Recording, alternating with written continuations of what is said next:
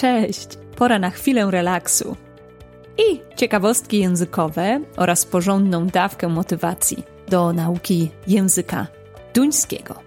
Cieszę się, że tutaj do mnie dołączyłeś. To co? Zaczynamy!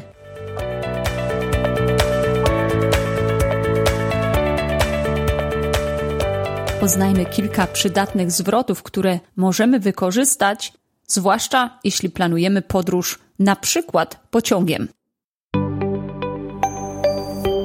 Pytanie o pomoc. Kedu hjälp ma? Kedu hjälpe maj? Hjälp ma? Czy możesz mi pomóc?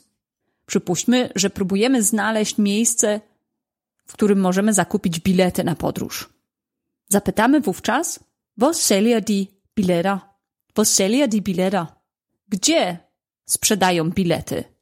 Gdy już znajdziemy miejsce, może paść pytanie, czy jest to podróż w jedną stronę, czy w obie strony. Jak powiedzieć to po duńsku?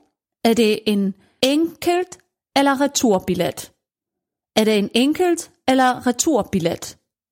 Czy jest to bilet w jedną stronę, czy w obie strony? Czyli tam i z powrotem. Returbillet. Jeśli chcemy poprosić o bilet w obie strony, powiemy Ja will gerne have en returbillet. Ja will gerne have en returbillet. Powtórz po mnie, jeżeli jest to dla ciebie nowe. Gdy już jesteśmy w pociągu bądź w autobusie, możemy zapytać, czy możemy tutaj usiąść. Pytanie to brzmi: Moja side hier? Moja side hier? Czy mogę tutaj usiąść?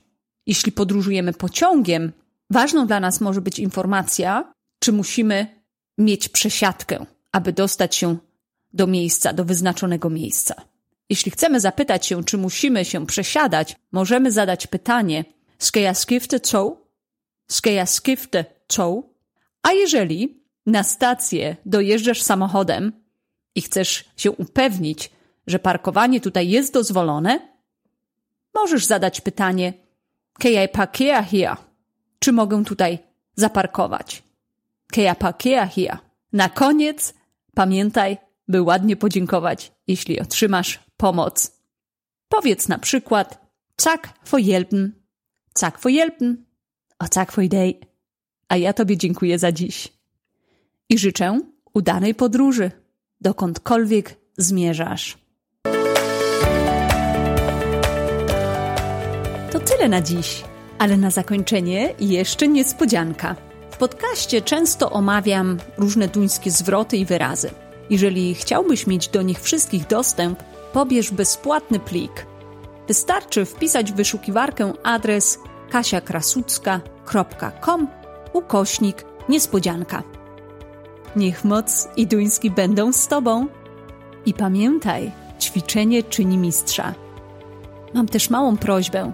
Jeżeli podcast podoba się Tobie, podziel się swoją krótką opinią i polub go. Dużo to dla mnie znaczy. Opowiedz też o nim swoim najbliższym, zwłaszcza tym, którzy chcą mówić po duńsku. Niech duński kwitnie, a wiedza szerzy się. A jeśli są jakieś zagadnienia, które szczególnie Ciebie interesują, bądź masz jakieś pytania, na które chciałbyś usłyszeć odpowiedź w nadchodzących odcinkach, napisz do mnie. Być może w jednym z kolejnych odcinków usłyszysz odpowiedź właśnie na Twoje pytanie.